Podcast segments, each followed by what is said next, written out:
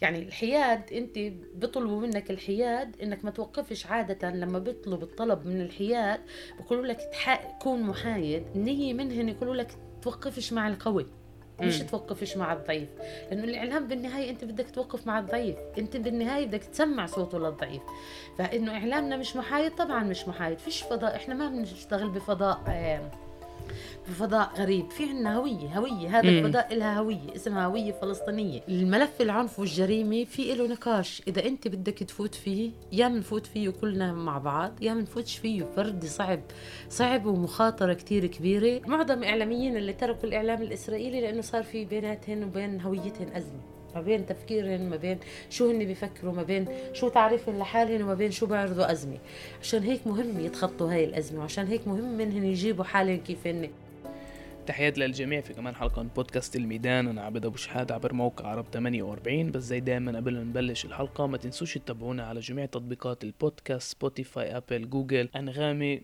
كل هاي التطبيقات رح تلاقونا هناك. وطبعا ممكن تسمعونا عبر موقع أو تطبيق عرب 48 مع اليوم في التسجيل الصحفية خلود مصالحة مديرة مركز إعلام وبدنا نحاول نحكي معها عن الإعلام والإعلاميين الفلسطينيين في الداخل والتحديات للإعلام والإعلاميين. وأنا فاهم هذا موضوع شوي حساس وموضوع شوي عام وبيستاهل أكتر من حلقة بودكاست وبدني بالمستقبل بالفعل آه، أسجل أكم من حلقة بهذا الموضوع مع ناس مختلفة. يعني بس الواحد يحضر الحلقة آه، بيستوعب قديش في إيش الواحد يحكي على مستوى النظري على مستوى الفعل على مستوى الأحداث السياسية. طبعا مهم نأكد إنه مسألة الإعلام والإعلاميين الفلسطينيين في الداخل هي مش مسألة جديدة. على مدار السنين الفلسطينيين في الداخل بيسألوا حالهم إيش دورهم في الإعلام المحلي. وطبعا بينفعش نتجاهل علاقة الإعلام والإعلاميين الفلسطينيين في الداخل مع الإعلام الإسرائيلي.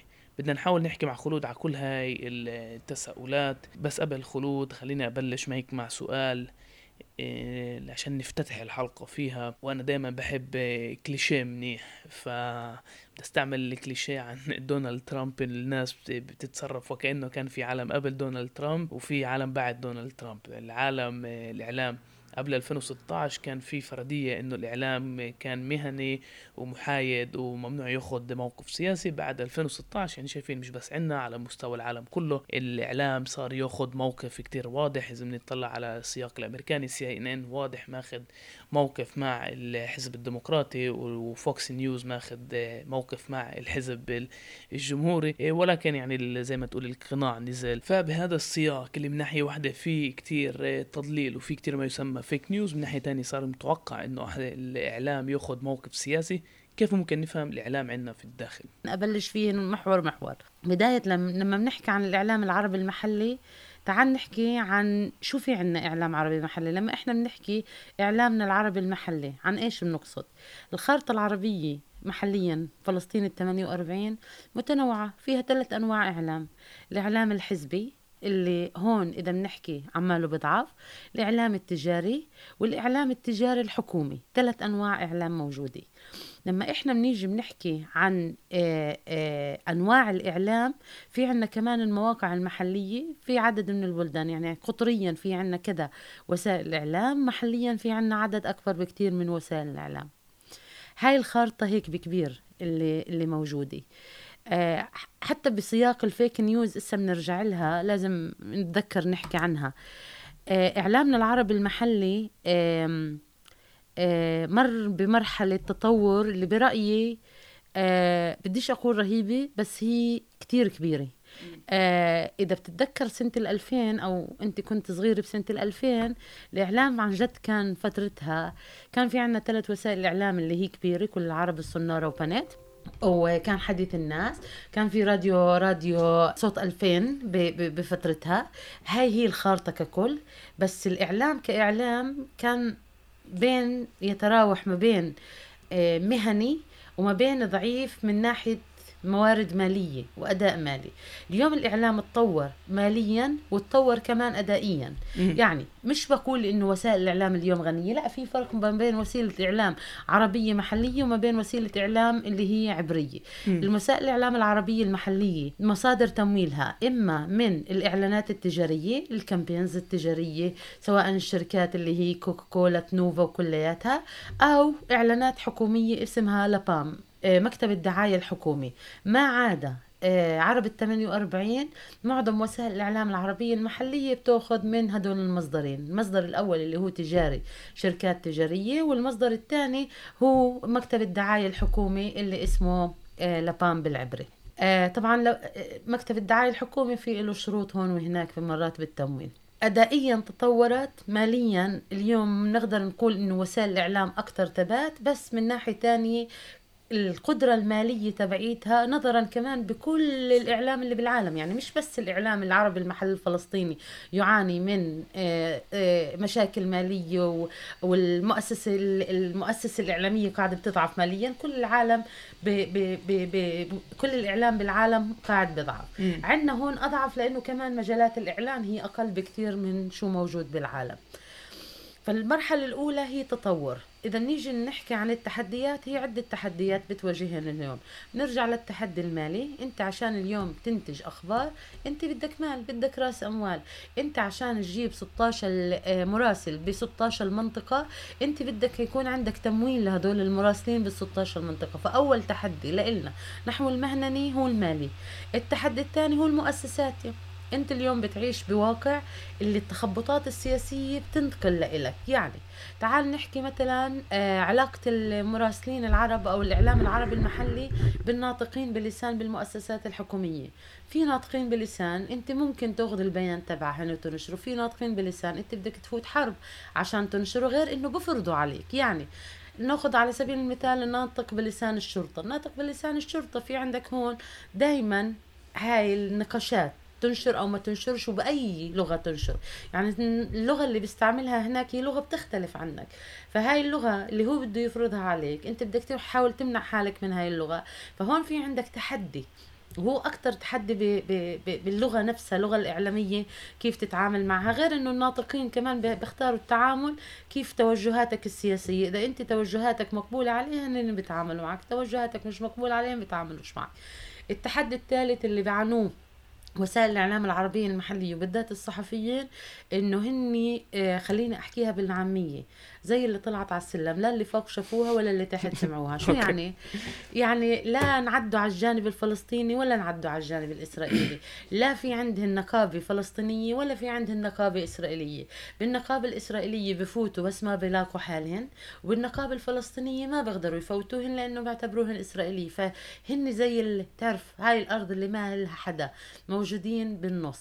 حتى على مستوى الدورات مرات نلام في إعلام على دورات اللي إحنا بنطورها مع شركات اللي هي إسرائيلية. لما أنا بحاول أفتح ابواب بالعالم العربي كذا ابواب يعني بتتسكر يعني اشكر بتتسكر إنه أنتم مش بالسلم الأولويات تبعنا إنه أنتم مجموعة صغيرة آه، ما بنفع ندربكم إنه أبصر إيش؟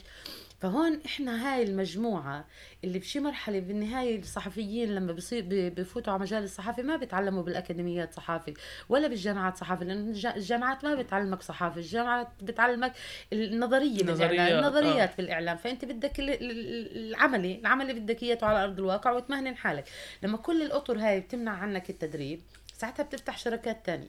فهن تحدي ثالث لإلهن المهننة والتدريب. المهننة والتدريب مش إنه ما بعرفوا بس في عنا حاجة للتثقيف. مع مثلا آه، ملف اقتصادي جديد علينا. أو قرارات أوبك بعرفش إيش. حدا اللي يعمل هاي الحتلنات. أو بالفترة الأخيرة مرينا بتدريب عن الخطة الخمسية خمسة خمسة صفر. هاي التدريبات والمهنات اللي إحنا بنحكي عنها. التحدي الثالث هي بطاقات الصحفي. انت عشان تروح تغطي بشي محل انت بحاجة لبطاقات صحفي. واليوم معظم الصحفيين يفتقروا لبطاقة الصحفي وبطاقة الصحفي تحدي كبير. أفكر يعني اغلبها بتصل للمحاكم ومربوطة نوعا ما بالمواقف السياسية للصحفيين. هاي بكبير التحديات اللي اللي بيعاني منها الإعلام العربي المحلي والصحفيين. إذا إحنا بنيجي نحكي عن عن محور الفيك نيوز والحياد. تركت موضوعين. نيجي بالأول للحياد. آه إعلامنا العربي مش محايد وهاي مش مسبه يعني إحنا حتى لو إنه مش محايدين إحنا بالنهاية بعدنا ب آه، بالتعريف المهني للإعلام. الإعلام المهني شو بقول لك؟ بقول لك التوازن الموضوعية الحياد. الموقف الحياد اللي انت بدك تاخده من الطرفين بكل الأحوال انت بتتماهى مع الضحية وإحنا هون الضحية. يعني الحياد انت بيطلبوا منك الحياد إنك ما توقفش عادة لما بيطلب الطلب من الحياد بيقولوا لك كون محايد النيه منهن يقولوا لك توقفش مع القوي. مش توقفش مع الضعيف. لأنه الإعلام بالنهاية أنت بدك توقف مع الضعيف. أنت بالنهاية بدك تسمع صوته للضعيف. فإنه إعلامنا مش محايد طبعا مش محايد. فيش فضاء. إحنا ما بنشتغل بفضاء آه بفضاء غريب. في عندنا هوية هوية. هذا الفضاء لها هوية اسمها هوية فلسطينية. والهوية الفلسطينية هون ضحية. وأنت من حتى لو إنك أنت مش فلسطيني أنت متماهي مع الضحية هاي. فإحنا بالمرة ما بنخترق معايير الإعلام مهنية الإعلام. إحنا حاليا بالمعايير نفسها لأنه حيادنا مع الضحية. الضحية هي فلسطينية. فا آه, آه أنا بخ أنا مش بختلف معك. أنا بتفق معك إنه ما في حياد بالإعلام آه وما في موضوعية بالإعلام. بس لما بيجي عند مجموعتنا اللي هي مجموعة فلسطينية 48 في تطابق ما بين التعريف تبع الإعلام المهني وما بين المصطلحات والمعايير اللي بتحدد شو يعني إعلام مهني. بالضبط من النظرية هاي إنه إحنا الضحية. فبنوقف مع حالنا بنوقف مع الضحية.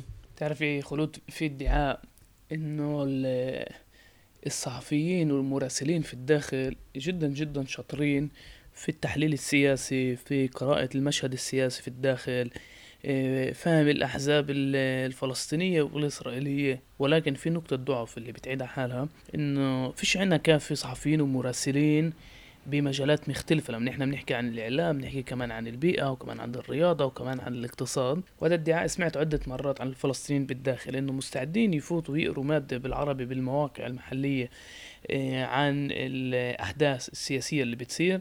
ولكن لما مواد بتخص الاقتصاد أو بتخص البيئة أو بتخص آه، تعال نقول المواضيع اللي ما لهاش علاقة في السياسة بلاقوا حالهم يا بالمواقع بالإنجليزي أو من المواقع بالعبري.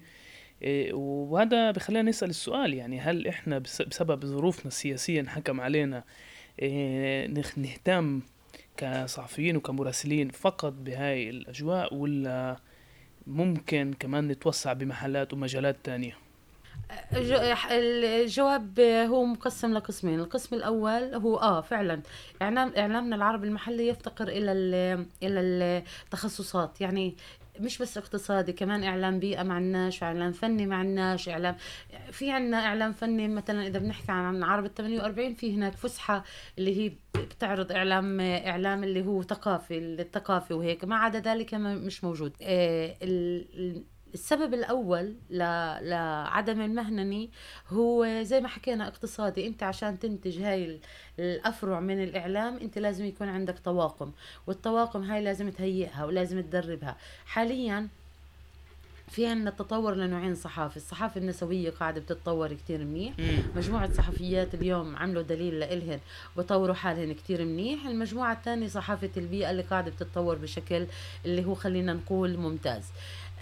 باقي الأنواع الثانية من الصحافة راح ياخذ وقت وراح ياخذ كمان مش بس وقت مجهود وكمان مجهود مالي مم. حاليا كل الوقت اللي مؤسساتنا الإعلامية ضعيفة ماليا كمان صعب إنك تنتج هاي التخصصات بس من ناحية تانية ننساش إنه إحنا مجموعة صغيرة كمية الأخبار اللي عندنا التحولات بالأخبار رهيبة لدرجة إنه ما بتخليك تفكر اقتصاديا. أنت بتفكر بالخبر الاقتصادي إذا كان مأثر عليك بشكل مباشر. يعني تيجي مثلا تعمل عن عن تقرير عن عن هدر الطعام في رمضان إلا إذا هادي بالك بتعملها. تقدرش تعملها؟ ليه؟ لأنه هو الموضوع مهم لإلك بس ما إله تعرف ما له إيه إيه الأهمية أو الأولوية إنه ينعمل هسه بس إذا تحركت الفائدة المصرفية والفائدة البنكية وإذا كان في عنا تضخم وكله هاي بده الغلاء المعيشي وكل هاي الشغلات هاي بتدفع الناس تكتب. يعني إحنا بنكتب عن الاقتصاد كل الوقت اللي بلامس حياتنا اليومية وبأثر علينا بشكل مباشر وإسا حاليا بأثر علينا. الأشياء الاقتصادية اللي بتأثر, بتأثر علينا حتى للمستوى البعيد نتركها لما بيكون الوضع هادي لما ما فيش عندك ضغط لما فيش تنساش إحنا هاي المجموعة اللي اسمها 48 عندها كمية أخبار بتنتجها بالنهار اللي هي رهيبة هو تحدي العنف. هو تحدي الحكومة الحالية هو تحدي حوادث الطرق هو يعني فيش عنا يوم ما منمرش فيه بأربع أحداث اللي هي رئيسية اللي لدرجة إنه خلص بتروح كل السيستم كل الموظفين يشتغلوا على الخبر. امبارح بالليل عندك على سبيل المثال. يوم عادي 8 بالليل الواحد ببلش الشفت تبعه ل 12 بالليل. بيطلع القرار الوزير درعي إنه بده يسحب مواطنة آه، ماهر وكريم يونس. هيك بمساء معين الناس بحضروا لإطلاق السراح أنت بتبلش تستغلب خبر هالقد كبير. مش بس بصير عندك جريمة قتل بعدين بصير عندك جريمة أبصر إيش؟ والصبح يعني بن كبير اقتحم مسجد الأقصى. بالصبح بن كبير اقتحم. فكمية الأخبار هاي تخليك تتعامل معها والأشياء الثانية إلا إذا لامستك بشكل فعلي. إحنا بنحكي عن التلوث البيئي إذا صارت قضية بيئية اللي أثرت بشكل مباشر. غير هيك صعب. خلود بدي أصعب عليك آه. إحنا بنتوقع طبعا من الإعلاميين والمراسلين دورهم الأساسي يجيبوا لنا أخبار عشان إحنا نعرف كيف نتصرف بالعالم اللي إحنا عايشين فيه. ولكن في مواضيع معينة اللي الإعلام العربي بتجاهله تماما مع إنه بكون عنده مراسلين وبكون فاهم إيش الموضوع أو إيش القضية ولكن لأسباب معينة بتطرق مثلا موضوع الجريمة ومؤسسات الجريمة. بنعرفهم بالأسماء بنعرفهم بيشتغلوا وأنا متأكد هلا بسألك على فلان وفلان تعرفي وأنا بعرف كلنا بنعرف. ولكن أنا بتحداك بجوز أنت كمديره مركز إعلامي بتعرفي إيه حاولت أدور على مادة على مؤسسات الجريمة عندنا ولا إشي بالعربي. بتفوتي على العبراني بتلاقي ملان مواد.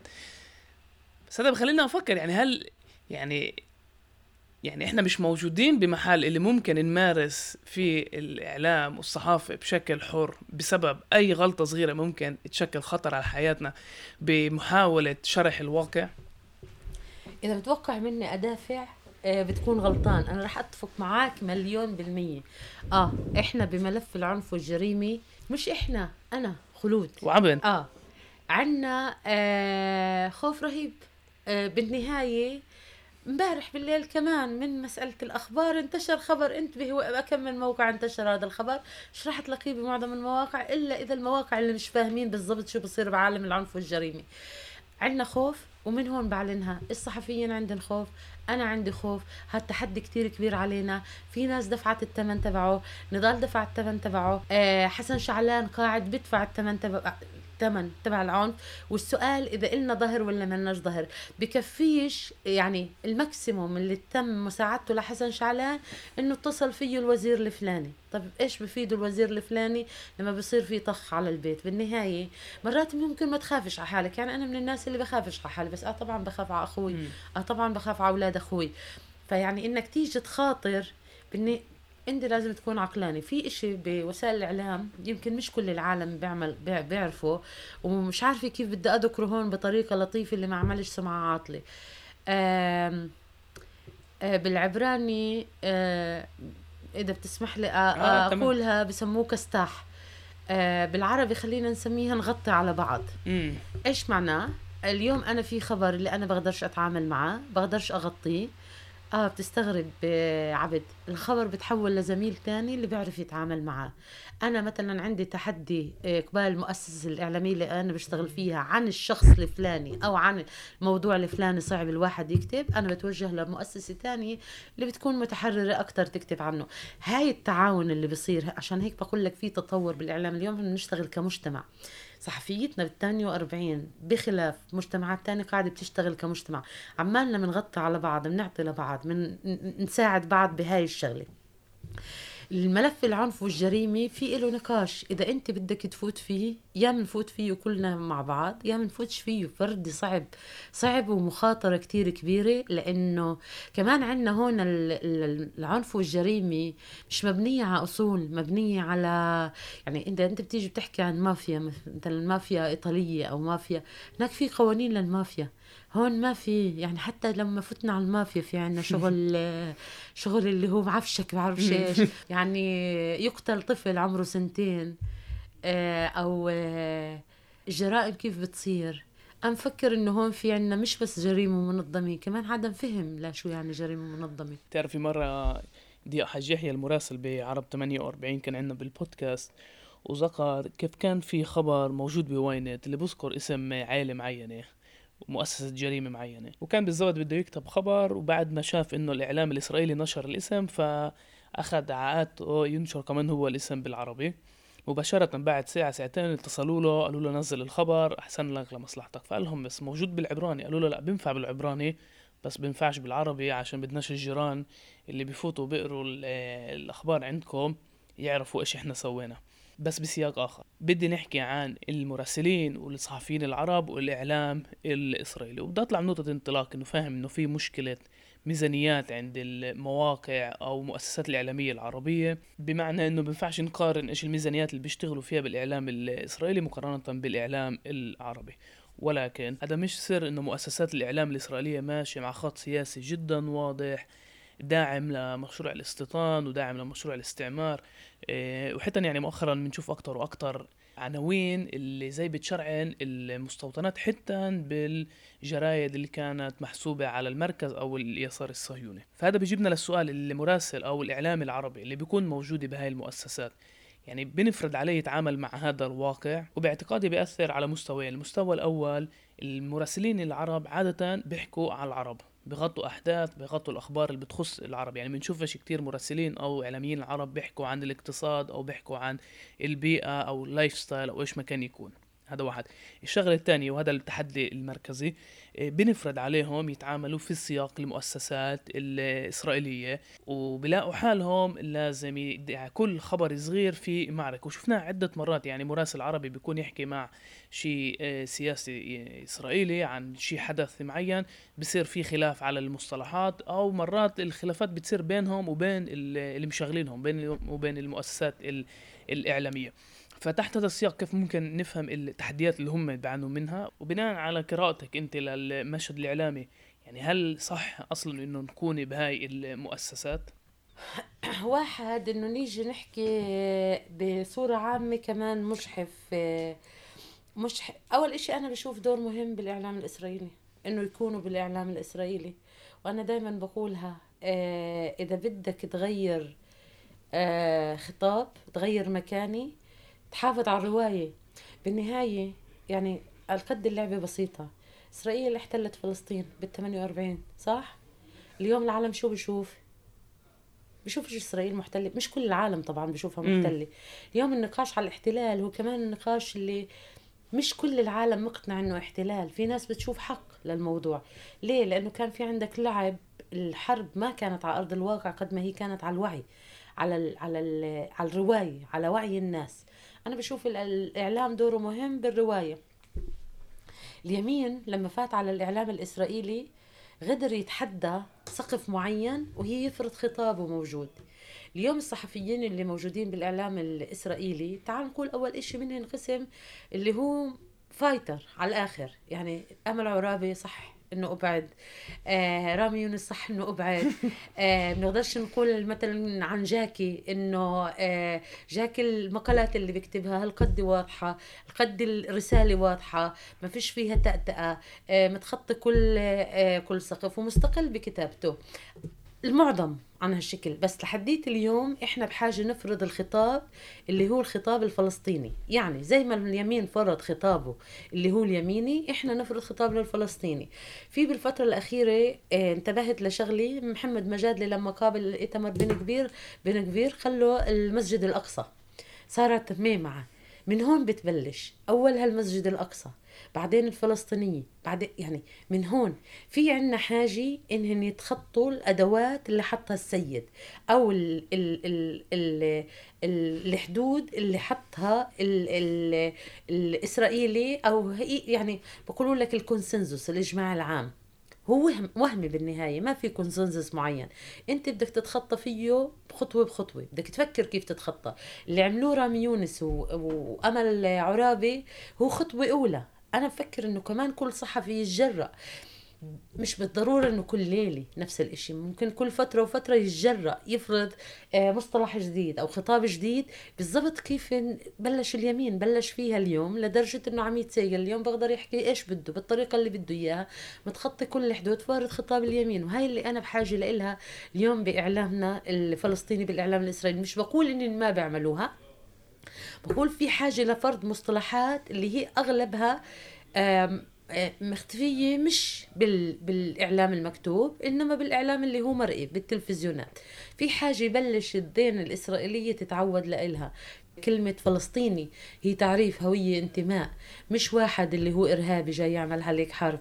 كلمة المسجد الأقصى هي كلمة اللي اللي آه، آه، فيها مكان مقدس تابع للمسلمين الكنيسة القيامة كل المصطلحات اللي إحنا بنستعملها. بس أقل ما فيها إنه تعرف المصطلح نفسه إنه يأخذ منحى آه، أو معنى الموضوع آه، آه، شو معنى المقاومة؟ باعتقادي خلود هذا هو السؤال للنقاش إيش بعد التأثير للإعلاميين العرب بالمحطات الإسرائيلية أو بالجرايد الإسرائيلية؟ قديش بالفعل بيقدروا يأثروا بين إذا كان على المجتمع الإسرائيلي أو بين إذا كان على المحلات نفسها اللي بيشتغلوا فيها. بس هذا بيجيبني لكمان سؤال على وتيرة تغيير الإعلاميين العرب بالمحطات الإسرائيلية. يعني ناخد على سبيل المثال عميد سيجل له عدة سنين بالتوالي ببين بالتلفزيون آه، واضح إنه اليوم أصبح من أهم الإعلاميين الإسرائيليين. بس من ناحية تانية بنشوف إنه الإعلاميين العرب بضلهم يتغيروا. يعني بعد سنة سنتين ببين كتير في التلفزيون آه، عناوين مركزية مرة واحدة بنلاقي حدا تاني بدله. يعني ممكن نيجي نقول أوكي يعني بيشغلوش كتير مراسلين عرب عشان هيك يعني إذا بيجي واحد أشطر فبتبدل. بس بخلي الواحد يسأل يعني إيش الأسباب اللي بتخلي الإعلام العربي ما يطولش بالمحطات الإسرائيلية؟ وهل الاشي يعني بيرتبط بالمعاش؟ ولا هل الاشي بيرتبط بالخلافات الإيديولوجية اللي بتنفرد عليه أو اللي بوافقش عليها وبتخلق مشاكل بينه وبين المحطة؟ معظم اللي تركوا الإعلام الإسرائيلي ما كانش على معاشات كان على تصادم بالهوية. في صار عندهم هاي الصدام ما بين هويتهن وما بين يعني ما بدي أذكر أسامي بس تقريبا تقريبا تقريبا معظمهن. حتى في ناس راح تستغرب وين كانوا وين صاروا. بطريقة رهيبة. آه معظم الإعلاميين اللي تركوا الإعلام الإسرائيلي لأنه صار في بيناتهن وبين هويتهن أزمة. ما بين تفكيرهم ما بين شو هن بيفكروا ما بين شو تعريفهم لحالهم وما بين شو بيعرضوا أزمة. عشان هيك مهم يتخطوا هاي الأزمة وعشان هيك مهم منهم يجيبوا حالهم كيف هن بالنهاية إذا بدهم ينفصلوا ينفصلوا. بالنهاية عن جد مش الهدف إنه نشتغل هناك الهدف إنك عن جد تغير آه آه تغير من حالك. اللي بالصورة عندي براسي وأنت تذكر كلهن إنت بتعرف بموقع واينت بالواينت كان بالزمانات موقع عربي. كان واينت بالعبري كان واينت بالعربي. آه معظم اللي اشتغلوا هناك هن ناس اللي هن مدرسة صحافة واينت. آه اللي اشتغلوا هناك عربنا هن مدرسة صحافة طلعوا بخلاف. اللي اشتغلوا بصوت إسرائيل وطلعوا من هناك هن كمان كان مش على على معاشات في إشي ولا واحد منهن طلع على معاش. أغلبهم طلعوا على إنه في إشي بال system بطل أو في عندي أزمة ما بين أنا هوية التعريف الذاتي لبين شو أنا بشتغل. اللي ما بتجاوزه بضل بال... بال... بالوسيلة الإعلام. بس في جزء منهن اللي بيوعلوا له لاحقا وبترك. ومعظمهن كل اللي إسا براسي ولا واحد منهم كان خلافه هذا بيرجعنا للسؤال يعني هل وجودهم هناك بيلعب دور إيجابي أم سلبي؟ أنا بقول لك ليه بيلعب دور إيجابي؟ مش عشان في ناس بيحكوا لك إحنا لازم نكون بالمجتمع الإسرائيلي عشان نكون جزء من الاندماج. لا مش جزء من الاندماج جزء من إنك تثبت حالك إنك متساوي.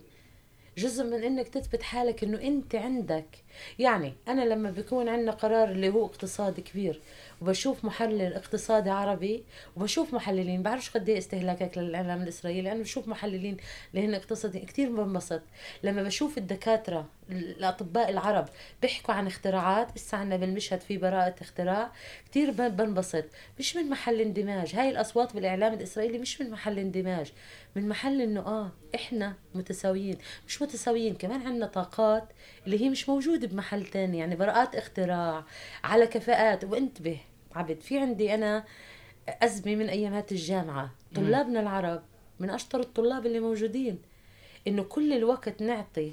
هاي إحنا فايتين بدور السيد إنه هو السيد. لا هاي المشكلة عندنا أنا لما بدي أوج... أكون هناك عشان أثبت إنه في عندي بني آدم اللي بيقدر يحكي زيه زي أي حدا تاني زي اوهد زي موشي زي بعرفش مين لما بدي أظني أنا متخبي وبديش. أحكي.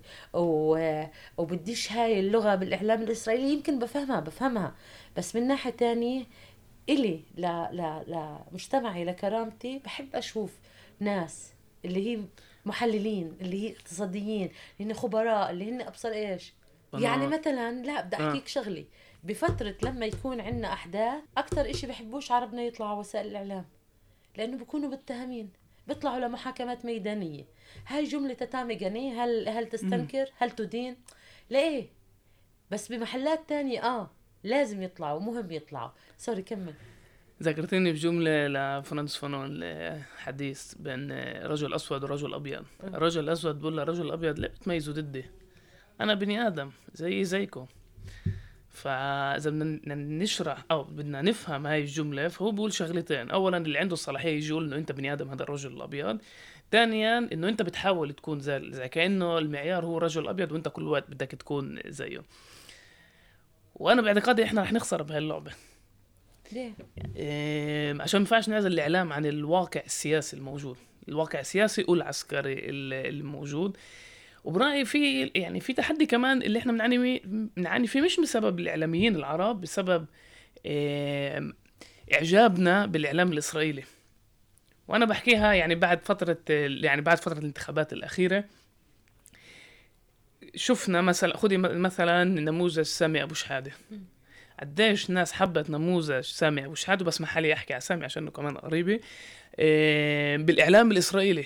حبوا الفكرة بتفوتي على التعليقات التفاعل شيء رهيب. ولكن سامي بقول نفس الإشي بالعربي نفس الإشي نفس الموقف بالعربي فيها أقل تفاعل. من العرب يعني العربي لما بيشوفك بالإعلام الإسرائيلي بنبسط عليك. لما بيشوفك بالإعلام العربي كأنه إشي عادي وأنا برأيي هذا بدل على أزمة نفسية إحنا بنعاني منها. إحنا دائما بنطلع على السيد. المعايير تبعيتنا شو السيد راضي منه؟ إحنا راضيين منه. هاي اللي مش قادرين نتخطاه. برجع بحكي لك. أول إشي الإعلام العبري لما بنقول مهنيا آه لا هو مش أكثر مهنيا هو أكثر ماديا مستقل. عشان هيك بيعطي الظهر للمراسلين تبعيته عشان هيك بيعطيهم كل الحماية اللي هي موجودة اللي مش موجودة عندنا ثانيا نفس الكفاءات اللي موجودة هناك. يعني إذا بنطلع أنا انت بتطلع مع مراسل من وينت تعملوا تحقيق معين صدق بتصيب بتجيبوا نفس النتيجة ويمكن النتيجة اللي بتجيبها انت بكتير أحسن. بس هن عندهم كمان يعطوك فرص إنك تجيب مقالات أكثر أو تدعمها بمعطيات أكثر أو يعطوك مثلا تروح على قانون حوفش مداح حرية المعلومات تدفع هناك مبلغ من من وسيلة الإعلام وطول المعلومات. فعندهم هاي الإمكانيات. ناهيك على إنه الإعلام الإسرائيلي بتغدى بتغدى من شيء اسمه تسريبات الليكس. يعني لما بنقول آه، تحقيق لرافيف دروكر آه تحقيق رفيف دروكل مش جاي لرفيف دروكل مش رفيف راح يركض وراه للتحقيق حدا من شركة فلان الفلانية بيعرف سربه آه, آه واعطاه لرفيف دروكل بده أكيد وش يعطي له خلود من موقع بكرة ولا لعبد بعرفش من وين ولا بعرفش لياسمين ولا بيعطوهوش لحدا من من العرب. بيعطيه للصحافه الإسرائيلية. فبتضل بينه إنها صحافة تحقيقات وبعرفش إيش. إذا بدك تشوف تحقيقات صحيحه حقيقية. وعن جد شغل تحقيقات صحفية. شوف التلفزيون اللبناني. يعني إحنا دائما بنطلع على لبنان إنه لايت بس شوف شو يعني تحقيقات صحفية مم. بلبنان. أو شوف شو في تحقيقات صحفية بتلفزيونات اللي هي حتى بمؤتمر أريج كانوا يحكوا عن اليمن. في تحقيقات اللي هي رهيبة باليمن نفسها اللي إحنا بنستطيع أصلا على كل الأحوال يعني إذا بنيجي نحكي كل هاي التمثيلية تبعيت إسرائيل لدولة عظمى وهيك. أنا أول مرة تعرفت على الفيسبوك كانت من شباب من اليمن مش من مش, مش موجودة هون. أول سمارت سيتي رحت عليها كانت قطر بال 2006 آه. مش تل أبيب. يعني هاي في هنا هالي هالي دائما هالة السيد هالة الدول العظمى هالة بيانات الشرطة على جريمة القتل بعد استعمال معلومات استخباراتية وبعرفش إيش مع إنه اسأل جراتها للميتة كلياتهم بيعطوا لك المعلومات الاستخباراتية شو صار وهيك. لما في جريمة عن جد موجودة وين هالمعلومات الاستخباراتية تبعيتكم ليه ما حدا بيستعملها؟ فهاي الهالة اللي معيشيننا فيها دايما دولة عظمى دولة استخباراتية دولة معلومات دولة بعرفش إيش. وإحنا عشناها. للأسف إحنا إحنا اشترينا. هذا الجوز الفارغ اشتريناه. إحنا قاعدين بناكله. آه الإعلام الإسرائيلي أقوى. إنه ليه أقوى؟ خلود إيه بدي ننهي بآخر سؤال عن ظاهرة جديدة. إيه ولكن إلها تأثير. كل موضوع المؤثرين يعني بالآخر يعني إيش دور الإعلام؟ يوصل لجمهور وقد ما قد ما أكتر إيه بسبب المواقع التواصل الاجتماعي بالذات تيك توك وإنستغرام. نازلين نشوف ظاهرة جديدة دور جديد. بعرفش إذا ممكن نادي إعلامي ولكن دور المؤثرين. آه، المؤثرين أول إشي إحنا عملنا آه، بحث بالفترة الأخيرة وعملنا زي زي تشخيص للمؤثرين اللي موجودين عندنا هون. حالة المؤثرين الموجودة في فلسطين ال 48 هي جديدة. جديدة علينا. يعني مقارنة بالمؤثرين بالعالم العربي مؤثرين بمحلات تانية إحنا جداد على على آه. على الساحة. فبعد في عنا مراحل تعلم بتعلموها. في مراحل أخطاء ب- بيحاولوا يستفيدوا منها. في مراحل مروها اليوم مش مستعدين يعيدوا عليها. في تطورات صارت. باللي فاتوا بالعالم الإفتراضي فاتوا نجومية. بنيشة معينة بمجال معين مكياج. ومرة اليوم بتحس انهن بمحل تاني وفعلا في تغير مش بس تغير تمثيلي تغير كمان بطريقة الحكي وبطريقة عرفوا إنه هن كمؤثرين في إلهن إلهن دور تاني. غير التأثير في عالم الجمال والأناق في إلهن تأثير بمحلات تاني. فهاي كلياته مجال اللي إحنا قاعدين هذا جديد بيبي جديد علينا. صار له يعني حسب ما إحنا فحصنا يمكن من آه، سوري بس أنا كنت مسجلتها هون. آه أكبر أكبر قدم بالسنوات سنوات ال- النشاط بالعالم الافتراضي عندنا 12 سنة كانت. أغلبهن ست سنين وخمس سنين وأربع سنين. فبعده كتير جديد علينا. غالبيته طبعا من النساء أقل رجال. فبنفع بنفع نعطيهن فرصة آه وأنا بفكر إنه هذا العالم رح يقوى أكثر من العالم ال- الإعلام العادي. لأنه اليوم الاستهلاك للإعلام التقليدي قل وبيطغى عليه الإعلام اللي هو ال- الإفتراضي. عن جد آخر سؤال. فاهم إنه هم جداد ولكن لازم نشوف كمان ظاهرة صرنا نشوف إعلاميين بيحاولوا يكونوا مؤثرين يعني ناس اللي اشتغلت سنين طويلة بالمجال مرة واحدة بنلاقيها بالإنستغرام تلعب نفس دور المؤثرين مم. آه هاي مش للإعلام العربي هاي لكل الإعلام عامة آه، بالزمانات طبعاً. لما كان في عندك scoop القناة العاشرة scoop القناة 12 اليوم فيش عندك scoop قناة اليوم بيطلع عند آه عميت سيجال. عميت وبعدين بيطلع على القناة. هاي انطلع على القناة. بيطلع عند بعرفش مين أنو مراسل وبعدين بيطلع على القناة انطلع أو وصل. اليوم النجومية عالم النجومية بالصحافة مش حصرا على 48 على كل العالم. صحيح. في عنا هنا بالأول كان في عنا ال ال ال ال وسيلة الإعلام. اللي كانت كل الجنود مجنده لإلها. اليوم الصحفيين بيلاقوا حالهم وهي مش بس بالسيا... بال... بالإعلام بالسياسي. السياسة مرة كانت سياسة حزبية. اليوم السياسة سياسة الفرد. مم. بلاش ما نفوت بالسياسة لأنه كتير. اليوم سياسة الفرد. انتبه بيحكوا عن دول دو... ترامب. بس تعال اسأل كم من واحد ترامب. انه حزب. مين بده يجاوبك؟ آه بيحكوا عن لبيد يائير لبيد يمكن كم من واحد من هون بيعرفوا إنه ياش عتيد أو هنالك مستقبل بس كتير ناس بتعرفش بتعرف الشخص نفسه. فالنجومية اليوم بتلعب دور بالسياسة وبالإعلام مش بس بالإعلامنا العربي المحلي. خلود مصالحة. يعطيكي مئة ألف عافية. شكرا لك يعطيك شكرا ألف تحياتي عافية. لك ولكل الإعلاميين اللي عن جد بيشتغلوا وبيحبوا المجال وبيسعوا عن جد يعملوا شغل ويقدموا لنا شغل مهني. يسلموا شكرا. لك يعطيك العافية. وهي كانت كمان حلقة من بودكاست الميدان. ما تنسوش تتابعونا على جميع تطبيقات البودكاست أو عبر موقع عرب 48